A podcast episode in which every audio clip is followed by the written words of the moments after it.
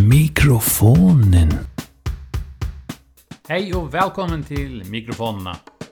Hette er et podvarp som vi sender Anna Kvann Frugjöda. Evni er frukt og fjölbrøy. Det er alt etter hvert som er framme for tøyene og for gestur vi tar. Vi tar oss om spennende vidskifter som du ikke hører om kanskje sånn jeg for ærestandet. Men mitt navn er Bo Tyril. Velkommen.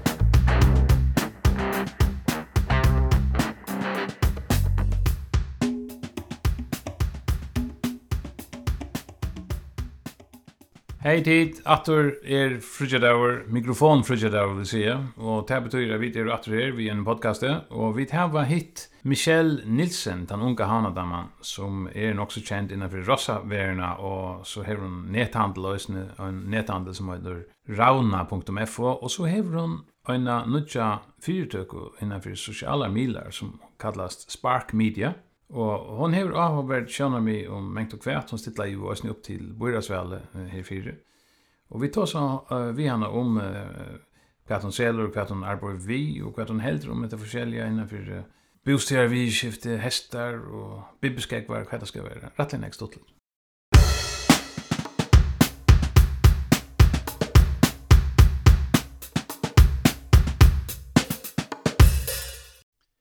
Ja, velkommen. Så sitter vi til av Hadlartjone uh, i havn av Hotel Hilton Garden Inn. Og vi tar Michelle Nilsen her bort uh, som gjest, og vi er nok så uh, spente på å høre hva hun her forteller. Jeg atler at spyrjene synder om henne virksomhet og henne hoksene om uh, nekka at hun fast vi. Nå uh, ble hun også ekstra kjent, altså hun stiller jo til bordet så alle. Men jeg visste sinte kvar var Arent til at fast vi Ross og sonen som er her Ross og kan man interessere i sånn. Så at uh, nu har vi skilt den at Michelle hever uh, i mest virksomhet, med hon uh, fast vi uh, Arsenal hun fast vi Ross som sagt och så har hon uh, så har hon uh, en online uh, shop och säljer produkt her. Hun kan ganske fortelle dere synder mer om det. Velkommen, Michelle. Kan du fortelle dere synder om uh, det du uh, bare for at uh, begynner vi, vi tog, altså det du fast vi uh, den shoppen du hører ned nå. Hei Boe, eh, takk for det, og takk for det jeg slipper å være vi. Alt er stort litt av det jeg. Um, ja, fortell om shoppene. Det blir nok i, i korona, og i, jeg ser her, synder uh, turbulent og togene her vid Ødvar og last inne. Um, og faktisk, faktisk så blir jeg folk også leid seg ut i natturene. Eh, og jeg har selv vært begeistret, altså, kan lukka litt at at at handelen er ganske mest kjent for uh, bibbeskekvar. Altså, eh, skekkene øyde Vibram Five Fingers, og det er den skekvar. Jeg synes ikke det, det er ikke spesielt ut. Det, det er det kallet biblisk egg, altså, tar man ser noe som tatt den individuelt, liksom, hver, hver, in, hver, hver ta innbada uh, individuelt. Men det ser du altså, nett noe. Jag säljer nett någon ja, det här man kallar bibliska kvart det här var simpelthen uh, fem individuella tær, lugga som förten den jockon. Och alltså bib och det bibliska kvart det är nog hemmagjort till att uh, var jag inte stund i korsne att uh, att det är nog inte rätta rätta året eller så är det rätt eh, malfröjesliga. Ehm um, men i halde bara år bubbe ska gå fettla en naturligt säga att det första man huxar där man ser det ja bubber och skäckvar och här från bibbeske kvar. Är det väl omtökt eh, vid sån här bibbeskan? Jo, da vet jag gusjer oppmerksomhet. det gjør det. Um, jeg vill si att det är en bestemt uh, demografi eller en en bestämd ett bestemt folkasle som uh, täcks är som skån till typ sån bevisst folk, aktiv folk. Och så är den uh, så alternativ jag är inte funky att säga, men som folk som som ger sig sina egna tankar om ting, som inte nödvändigtvis alltid är det super mainstream. Men alltså så är det helt enkelt löjna att det ska gå att ha en ölja marskantan kroppsliga firmon och faktiskt är sin salaliga. Ehm så och det får uppmärksamhet i att det gör det. Det fick också näck uppmärksamhet sälja benen och och det var flera som som kände till skäckvarna som hade atlas som skäckvar och i länge tog men men det meter svär så lätt att ganska det finns det för jag. Är det så ett ombud du behöver för omkring som så är är det i Florida för för som säljer det eller du har ett ett ombo för ett match för jag kan och och och kan fortälja sen om du vart inne att det var det var naturligt att det var gott för för för kroppen och så vidare. Kanske fortälja sen det morgon till kanske. Ja, det är det her vi att skäckvan här fem individuella lukka som som tattnar jockorna eller förtjänar och tattnar här var en gruppfunktion lukka som händer när bara i mindre format. Ehm um, och ta hjelp och å balansera och att fjärra Eller hvis vi dømes tekka et døme, ta man renner, tar vi renner i polstranskjøen, som ofte er sånne hakka i hælen, så brøyder vi fullstendige alltså altså biomekanikken og kom brøydes, og mot til det som vi er skapt til, og har utviklet oss til jøkken, altså millioner vi så er henne. Um, og det typiske, den typiske brøydingen er at man får uh, større rørsler, i mot til hvert er optimalt for okkara kropp. Og til nekka vi at, til nekka vi tingtina skånen, men til øyne nekka vi, at vi mangla sansene, vi mangla det øyder proprioception, altså okkar egna feta, okkar og i ui rummen hona. Så hver, hver er og førtjener og resten av kroppen er mun til sentje. Um, og det brøytes, det vil si at hvis vi i ræljanek og er genga og har forstørre rørsle mot optimalt for okkon, så, så kan man risikere sluta og nei ut på kroppen va. og og det kan også skapa spänning att det kan det kan ge en rö av trubleikon som er voldelig og som er ikke alvorlig. Men god skjer, så samlas kroppen mer at ta i, ta i førtene få løyve til at gjøre sånne ultimative oppgaver som er å sansa lente og sansa okken sjolve og, og bare bo opp til høyland, hva skjer det, hva er vi? Hva er som det gjør mening? Mm. Det er jo meningsfullt og, og spennende. Er det noe nytt? Jeg, jeg, jeg er sikker jeg ser noe av Jeg er sikker sett det angsten av mynden. Som, jeg hadde ikke sett det live i følgen før, altså. Er det nytt? Nytt og nytt? Nei, det vil jeg ikke. Jeg har selv åtte seg skrekkvann, og i uh, nesten et år nå. Kjøpte jeg mine første skrekkvann. Det var det helt super nødger. Men, uh, men det er kanskje øyne blivet så rak særlig korona, vi løyta atro til, til omkran opprona omkran slag. Hva er det som veldig viktig for jokkona? Og man ser røstene at, at fløyre ærer skrekka framløyre er å hoppa oppa i seg barefoot bildjena. Men vi bram er så det øyne som gjerra vi, vi tær, altså vi, vi bibbona. Her er framløyre ger ganske anatomisk form av skrekbar, vi tunn om bottene og så som øyne er super. Men det, det tattnar som, som lukkar som gjerra til eika både stabiliseringsmässiga och, och uh, sansamässiga.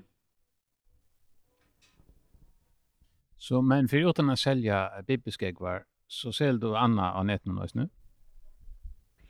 Ja, handelen blev er en sånn livsstilshandel, og er egentlig bare et uttrykk av mer, hva det er damer, hva det er halte, er viktig i livene, så her er forskjellig, men, men i regner for alt å råde seg i at vi skulle kjenne noen vel, og jeg som stort av løvene som vi hava.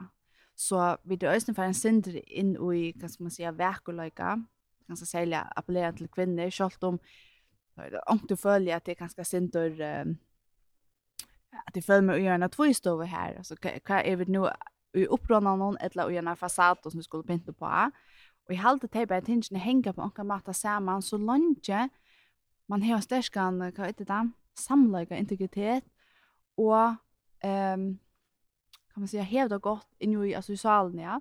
Så när man hävda gott så är det naturligt att man gärna vill uh, pynta alltså lämna sig vi vill gärna måla hus och och pynta ute.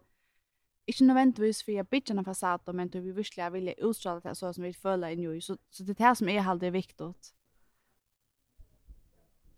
Angen even där men uh, Michelle du har nek anna i gång alltså. så det är att du eh stilla upp till boira så väl. Det i mest till och och och og så har vi la mest til at du fast vid ross så. Eh, är det några som upptäcker nekv att Ja, jeg har forskjellig i gang. Det stilte jeg opp ta, og det var utrolig spennende og lærerikt. Eh, så har vi også noen marsjonføringsvideoer som nok er mot høves visse med, Ehm och vi vujande ross så hevet det vara en öle stor pascha med sjön så en allt jag kan minnas så jag faktiskt Eva baby. Så det har vi alltid haft och och jag måste säga min mamma min mamma säger pappa men när för ja ja tvatt det är bara en toj så hon var teenager så växer hon från då ja. Men jag så jag vet inte hästa flocken där bara växer så. Hur snägg ross hevet du? 30 nu har vi tro i var uppe på fyra. Det regnar faktiskt att köra nior. Tog vi smabbet någon och fyra tycken så så så är det otroligt ringt att röka allt till fållna eller jag vill säga att det blir det blir inte till. Så man måste vara realistisk och och balansera det hela. Vad är det särliga som tar damer så vi vi rossen? Ja, den går spårningar.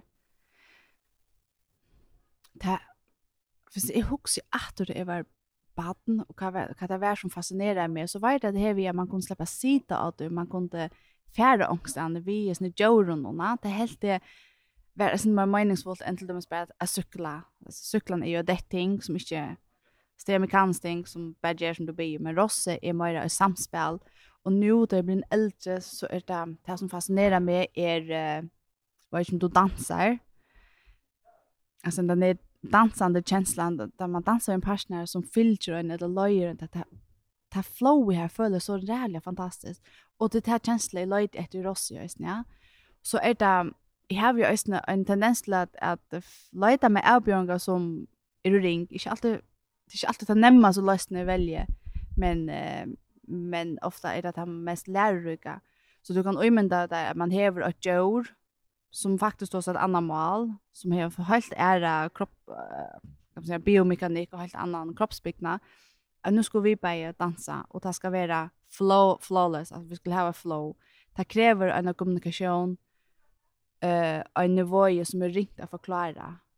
Du vet har vi ju mål fällagsmål som det ska uppbyggas och så är det den kroppsliga passionen för två kroppar, två så imiska kroppar att smälta samman. Och det kan man bara göra utan tvang, alltså hvis bara parter vilja att säga samma. Så går så träma för mig ju boost en häst till att ge några totalt flötting och någon en vattlet till dem så. Så här här släpper man så vara kreativ. Ja, det var värst. Eh hästar eh eller ras är sjönde eh näka som rättligen näck folk har vi inte kan inte se så för och och här här som ut i förrjun alltså. Eh er det noe som, eh, men Arne vi færa til det, kunne du fortalt oss inte om, ta du vener hesten, du snakker om hvordan fartas og kommunikasjonen fungerer, hva gjør du for at det skal rikka som det skal? Er det noe særlig ting her, eller, eller hva, for, for øyn som ikke var ut, hva, hva, hvis du som spyr bare, hva, hva sier du så?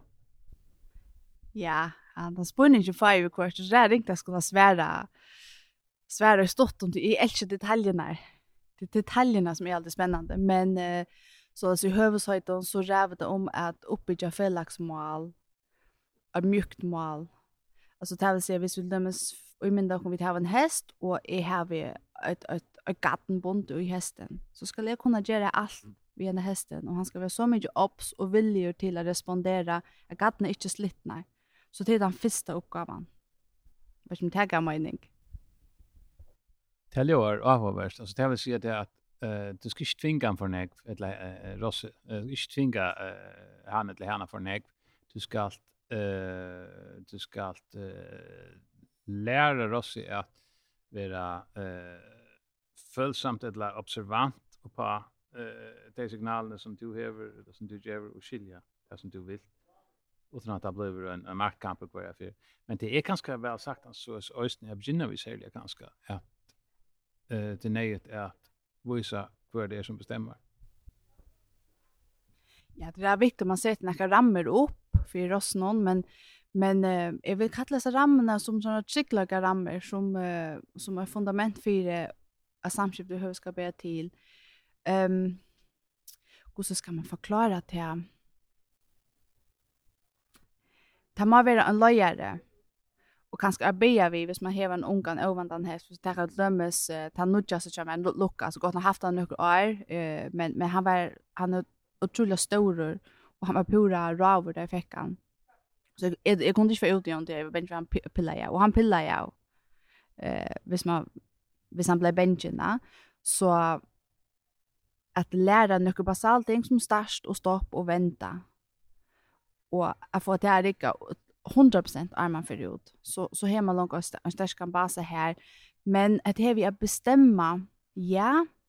Ja, sån vid är uppe där folk och vid eh, doa att navigera och i hela världen där det rossar inte. Så på den måten är vid lojaren.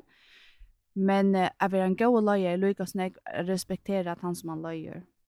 Det tar man för villigheten, det tar man för goodwill och, och kärleken kan man kalla det så tog jag visst man bara är en bestämmare alltså en en makt ut i eller alltså alltså en som utför makt du ska ge som jag säger till annars så fast och smäcka så kan, så vill man så vill det vara en, en episod där för det låtsas att när Rosa blir benchen och fluktinstinkter kopplar in ta för annars där lugga mycket kvärt han är ju han är ju inte allit det här och och ta ta är det något annat som som täcker i vår.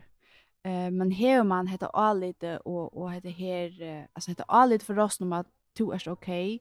Allt det som du gör är alltså för mitt bästa eller så att man inte har ehm valt ju om och säger det det. Att man är fair. Ja. Så det näka chickla går ut men det är inte en läcker höstkänsla. Det känns läckrare man är en häst som fylgjer det att han ho, en en som bara i bench han var han var smäck alltså det är helt annat uttryck i Rosno. Är det växande ahu för eh för oss för oss i färgen? Hur du hur du näka intryck att du. Och du se också om kanske förresten eh vad det är för rost du har är det är det förska det utländska eller Ja, hvis jeg lykkes svær på den første spørningen om du har for oss, det er alltid det er, og det heter nok alltid være, ross er være en øyelig større parst av samfunnet noen uh, och i flera tusen år så man kan kanske säga för fyra 5000 år sedan var det större AH för oss till att det var bruksgjord att det här man inte ta hem man inte äck för och sånt. Eh och så där lägger AHn ta under kronon så så kvar som eh, tecknen eh, tog i en uppgåva till oss någon. Men ut det är det en sort pleasure alltså att att utdriv som if jag har inte av är spärklig växande tog är man det er det här vi finna mening i livet och och kanske också säga nu åter ta tecken teker i vad mer mer manuella uppgifter är vi leta ett efter efter mening alltså på anka mata. Och här är Rosse är där fascinerande djur och och speglar och på en sån intressant mata som jag hade näck folk är tillsäkt av.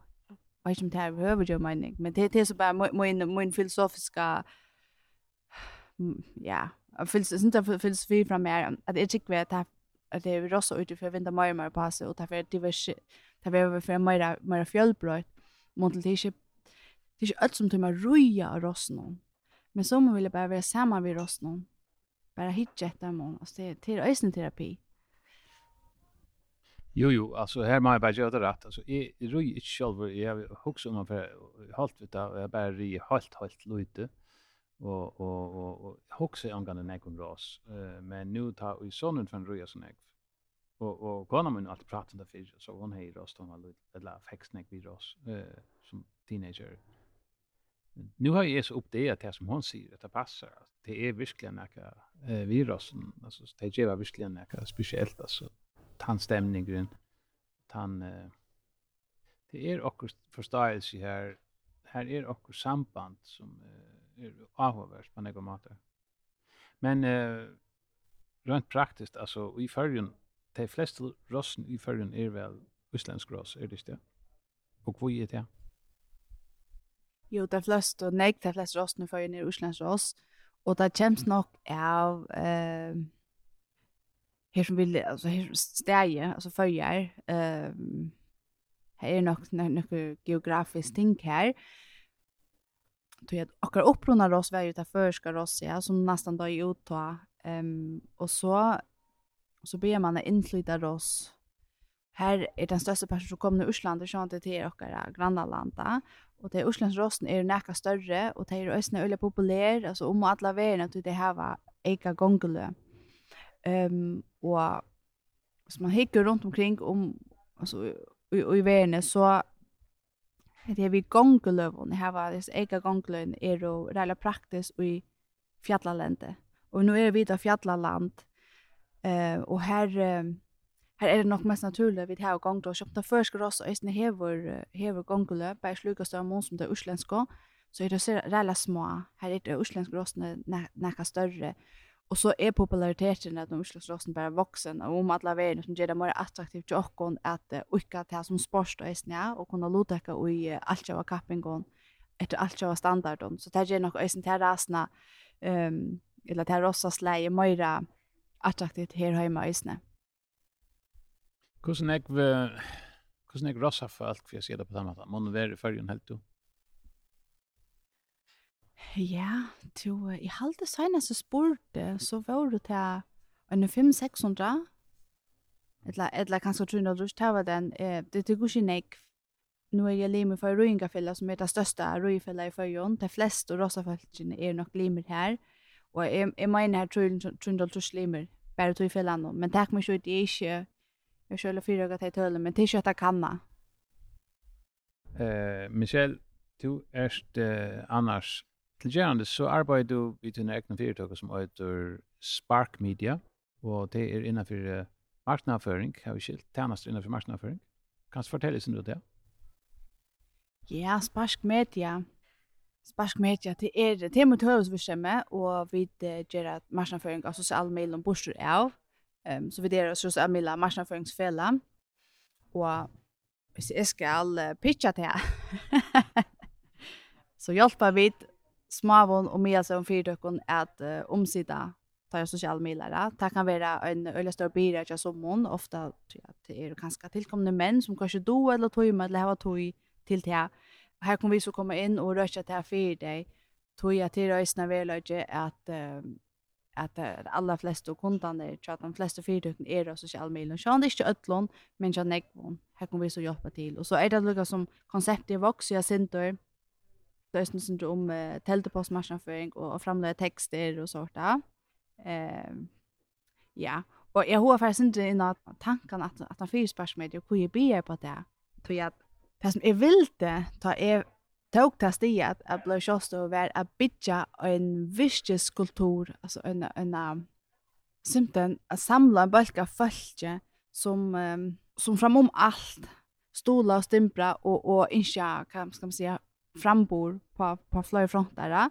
Så det är så det är inte mer än bara kom ut och bla bla bla vi gör det hetta la la la som när jag under gera sjön det det det ska är tid men det här vi är inte att ta är ett la ankra mojnon som är samstår vi kommer ut att ta att det först och främst handlar om att få vi kommer till att att skoina eller så och och att det så för stäter så är mitt ultimativa mål at vi kommer ska ha smil alltså här var smila anledning. Känner du att du möter onkan oss lätt i SMS och så hälsar du på onkan och så är det bara störst smil och smila vi är att det det är effekten som jag leder efter.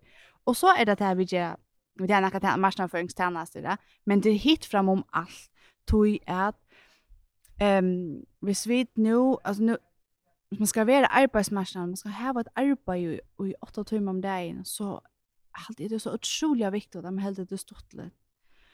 Och inte minst innan huset men nästan ekstern, vi och våra samstarvspartner att vi tøyma ordentlig vel etter det.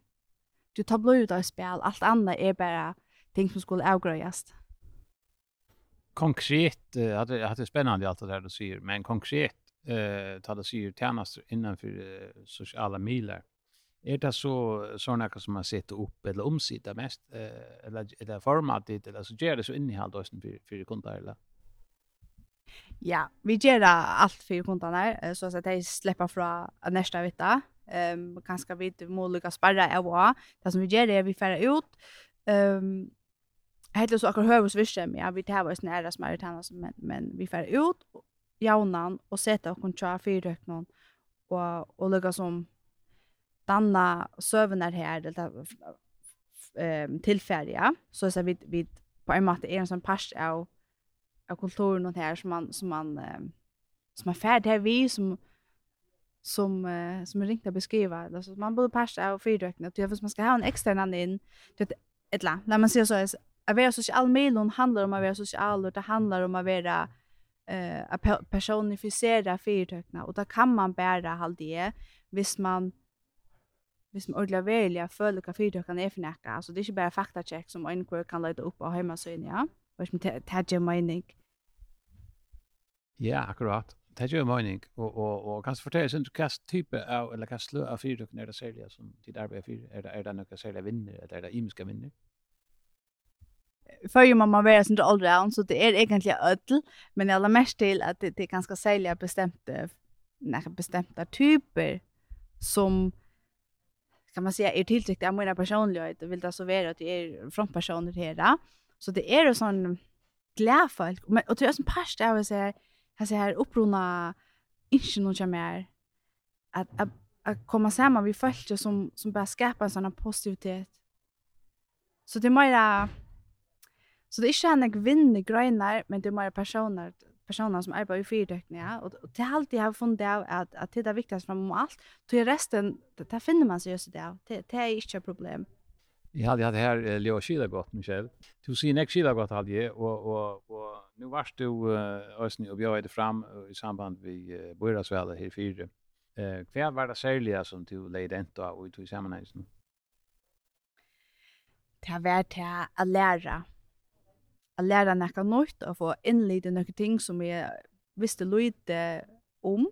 Alltså um, kan man säga innan huset inled eller så läs så är det att vara passion vad sen här.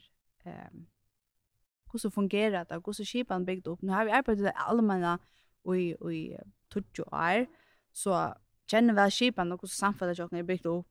Ehm um, men men så är innan huset politiskt det det var förvidna vid dem rum och kanske är det här vi inte jag vill bryta Jag vill bryta det till näka näka bättre kan man säga alltså så det är alltid det bättre men uh, ja.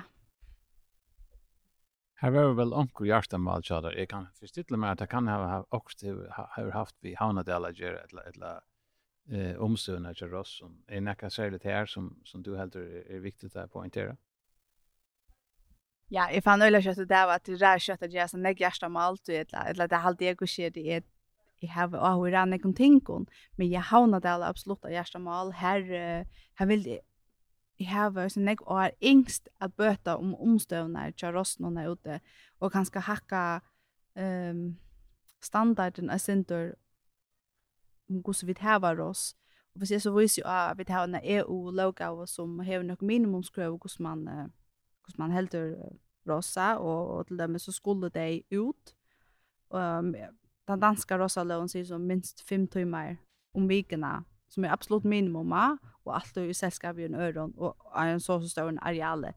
Um, og nu kjenner du havna der, vi tar helt avfætla små ageringar, og tillegg som, og vi tar ikke krøv til, til omstøver överhuvud. Och det är så är är allt inte man skall här nu för bröd att fjosen ner till det är inte för smöl och inte för det och det. Men som minimum halt det vi må under oss någon är fröjöke eller och alltså bara släppa ut och och vara oss själva till att alltså man kan sjön för ut och leja gänga turer så men men alluga väl det vi man måste vara eldre, att folk har stå jag stanna för timmar och hittar med rosten spela. Ehm um, Så ett sted her jeg kunne slippe ut sammen av vera oss. Det, det var et av min hjertemål til det, og det var negv år. Um, men det, det, det er en lang prosess. Er det flere andre som har, har givet uttrykk for at det er østene har som hoksan og østene østene? Jeg råkner vi at alle rosa folk ikke har hatt hattar. Um, men man er så åsamter ui om det blir til, og, og hvordan det skal skipast. Men eh, det som ringt å svære på, som er ordla samt og mer, som er synd og samt, men god skjer så halte vi det alt samt og må rostne ha godt av å være fru. Ja, det er østene utan iva uh, sannhøyt. Michelle, eh, jeg glemte å spyrja det, og, og det burde jeg spurt om på en veien, men ta du nu hever så fjelltotta avhamal og virksomhet og hoksaner om alt mulig så kunde det vara intressant att veta kvärt och i din bakgrund är alltså du har arbetat inom det allmänna så du har också arbetat inom det privata har vi skilt. Men är det några särskild utbildning som har gjort så sålas eller eller kan du fortälla sin om bakgrunden och så som kvar du huxar för alla som rent yrkesmässigt Ja, jeg har alltid ringt at distansere meg fra, fra men i chatten vi hon som är a lära och a menna a menna mig själv och och bara älska livet tui at hvis jeg bare hukse iskjesmessig, så kommer man det er kjøtt bare inn i det faglige. Um, og det er ikke sikkert det jeg tror vi tar som jeg vil brenne for det.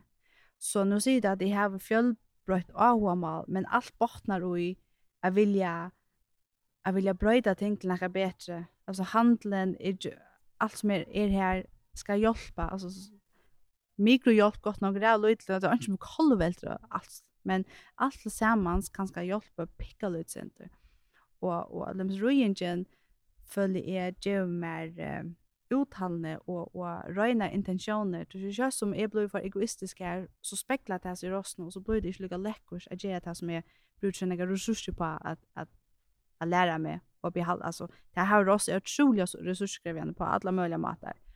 Ehm um, så yrkesmässiga Ja, nu är ju så av är in i vet businessliv eller här är det som businessliv någon i i några år lunge, men men vi ser hur tuttu och är fram, så har vi en dröm om att uppbyggt en koncern.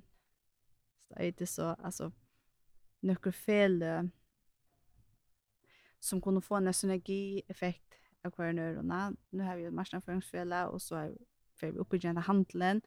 Um, så så at jeg, har, jeg håper at handelen kan bli så mye større at, at det blir sjåstendt ut uh, fjellet, altså en større fjellet enn det er nå, og at det så vi kunder til sparsk media og så videre, og så kan man kanskje bytja et sett, og kanskje rauna vera brand, kanskje vi får rauna, rauna fitness, eller rauna, rauna nutrition, altså, Jeg vet ikke heller. Det er det.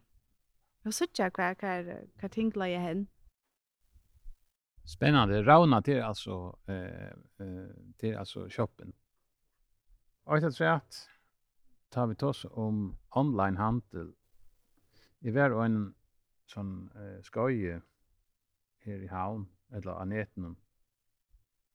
Helt i sa, sa du et navn her, Øysen. Men uh, det var sånt om marknadsføring online eller sitta upp på en shop uh, eller vad det var. Han själv uh, Facebook uh, Jakob Stinsen var här och och och det var sånt svär han som stod för det. Men det var också är vi just nu. Alltså det vi vi um, hur så ordnar du en webshop? Det är nog snäcka föringar som har uh, handel av nätet nu. Men det är väl inte så där lätt hvis man inte gjør det fyrr. Var det något som du følte var, var, var sverst att få, få, få ordna eller, eller brukte du bare eksterne leverandører eller alt, eller visste du hva du skulle fære?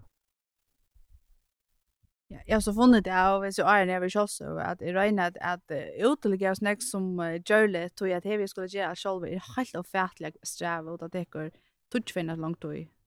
det man altså, jeg vet ikke om det finnes noen år for minus synergieffekt men det är det att göra selv, hvordan for mye vi kommer til. så jeg fikk, uh, Men så har vi en tjejk som är som er godt teknisk tev, så han byggde jo hjemme sine säger som skulle sättas opp og sånt, og han utførte självt arbete. Ehm um, og så brukte jeg externa leverandører til, til smarting ehm um, design og, og forskjellige sort texta tekster,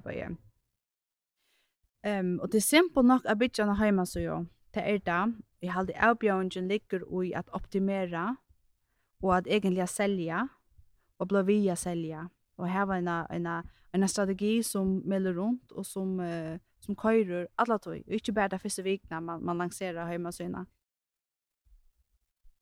Var det, var det ringt å finne en, en, en, en plattform til, til uh, online betalinger og sånne ting? Nei, tannparsen er det aller nærmeste. Uh, som uh, jeg halde til å si på at det heter så marsnaføring sosial medier ved Jakob Stinsen, um, en verstova som hoskottet skipa i fyra i hästa. ja, det var tullig god verstova, Och han, han malte oss till Shopify, till näthandla så är det oss WordPress och WooCommerce och sånt, men, men jag vill ha det einfalt. Shopify är ganska att han dyrare lösningen men, men hon fungerar till till hvis, man, hvis jeg är man ska hava, så, så löser det seg det att att kjøpene tjener så som är optimerad till det. Och som tar svära på din spårning. Jo tack. Det hade jag sagt nog snägg. Uh, Michelle, ta nu nu vänder jag åter till det här vi vi Oras väl någon och och och eh ora skifte som var och allt det här. Jag vet att du komst nog så sånt in situation jag tror att att att området ju eh men eh jag huxar mer att det kan bli av vart det hårt kvärt to hever av hoksan om samfelags, samfelagsvidskifter, om samfelaget, en ung kvinna innanför vindlövet som eh uh, rent såna imisk ting som du eh uh, gest och och och vad du huxar om imiska samflagsborningar bara näka särligt du du uh, leidenta och ta eller som du vill leidenta Ja, nu hejer snäga tog till till att föra boras uh, väl, men i hejer noe, jeg skjemmer noe hjertemann nye på en av men fann kjøttet det var her nek ting som er interessant og vi og i, i, og i politikket, at uh, til, til ringte avmarska seg, og at han så skal avmarska seg, så at det her rævla viktig at man, man løyde at til chatten, just, at det, hvis man släpper in och ska skal struja sånn och det er att struja, att man, det kommer inte detta under faunen, alltså man får inte allt som man vill så man må det här ega drive, och da tycker vi til at det kan man bara hava hvis man virkelig brenner for det. Så en større parste av som velstyrende handler egentlig om å navigere, å navigere og gjøre løsene, hva passer inn. Det ble jo ikke ordentlig akkurat det som jeg har forstått meg.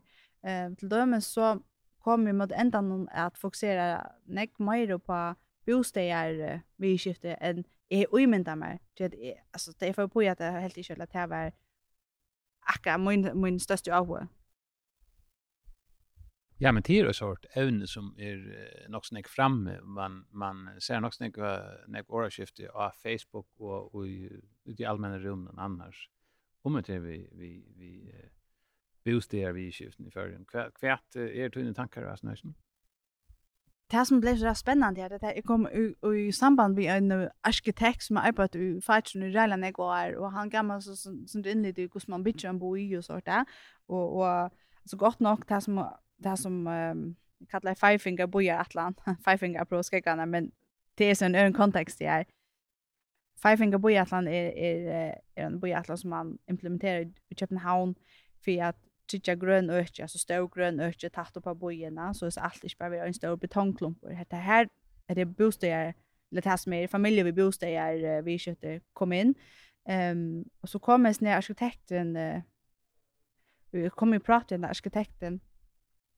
Og her lukka som feisen innlitt i kvui trupleikin er der.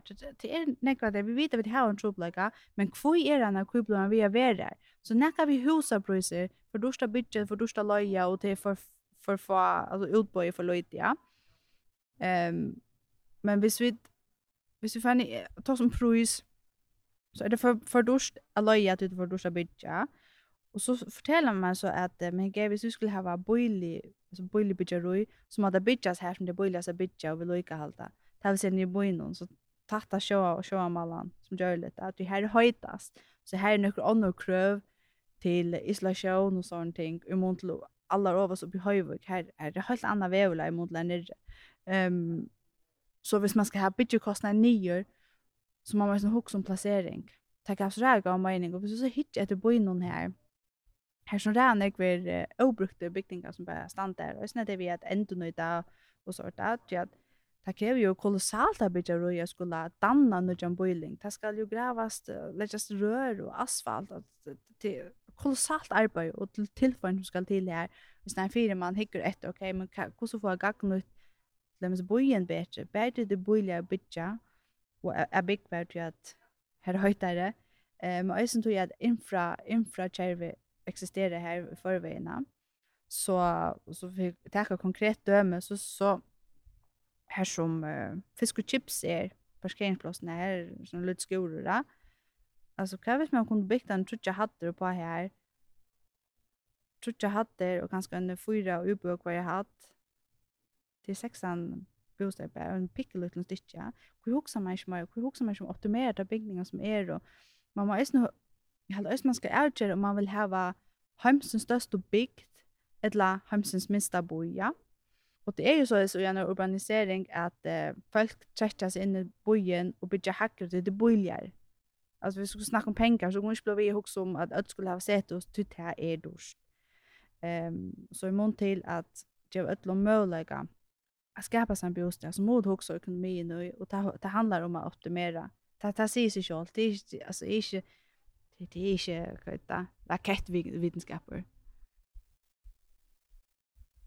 Utan Iva sanna et negva som er, kanskje alt. Jeg skal ikke komme for klokene på bilstier, troblager, det har vi ikke arbeidet som vi.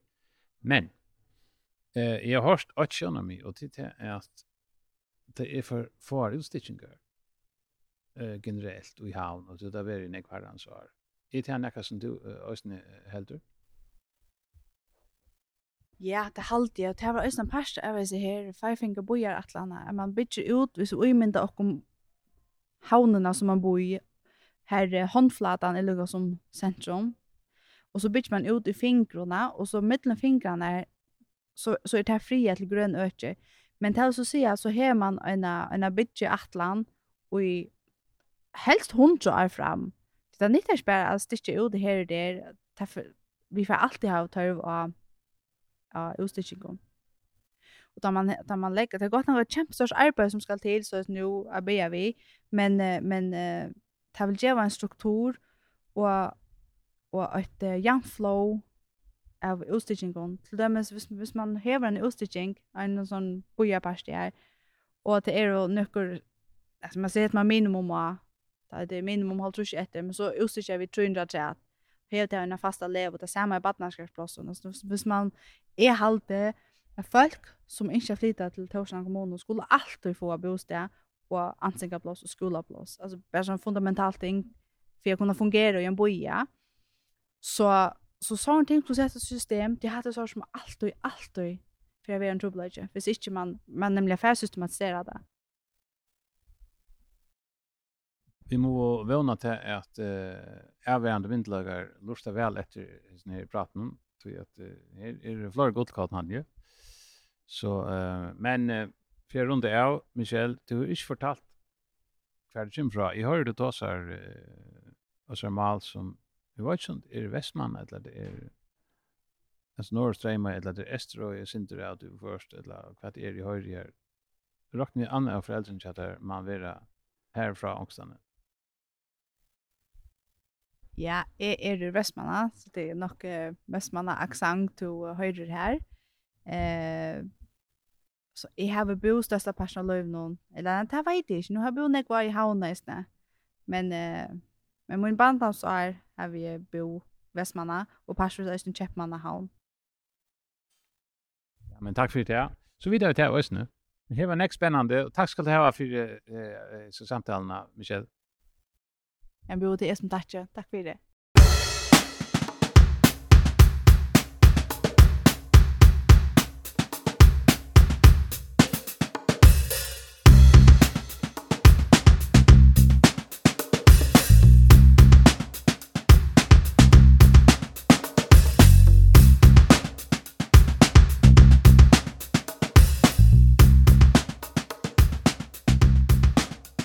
hetta var så til vi tatt og i mikrofonen av hesson sinne. Vånande finket i. Takk for at du lufta på. Vi er etter om 14.